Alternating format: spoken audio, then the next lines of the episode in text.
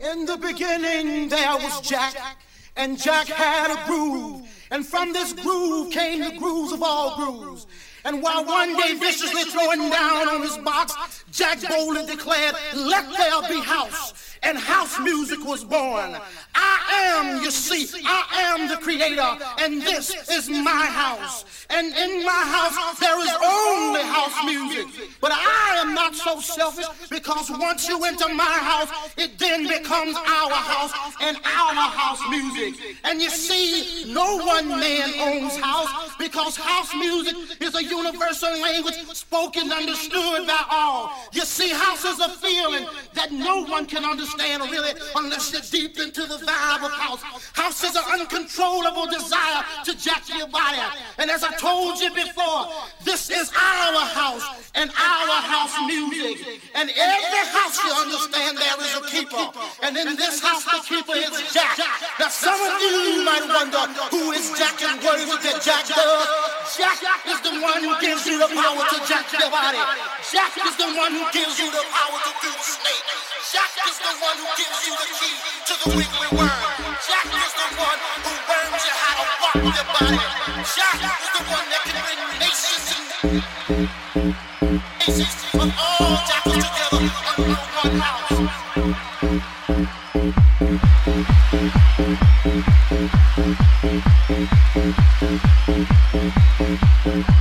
Thank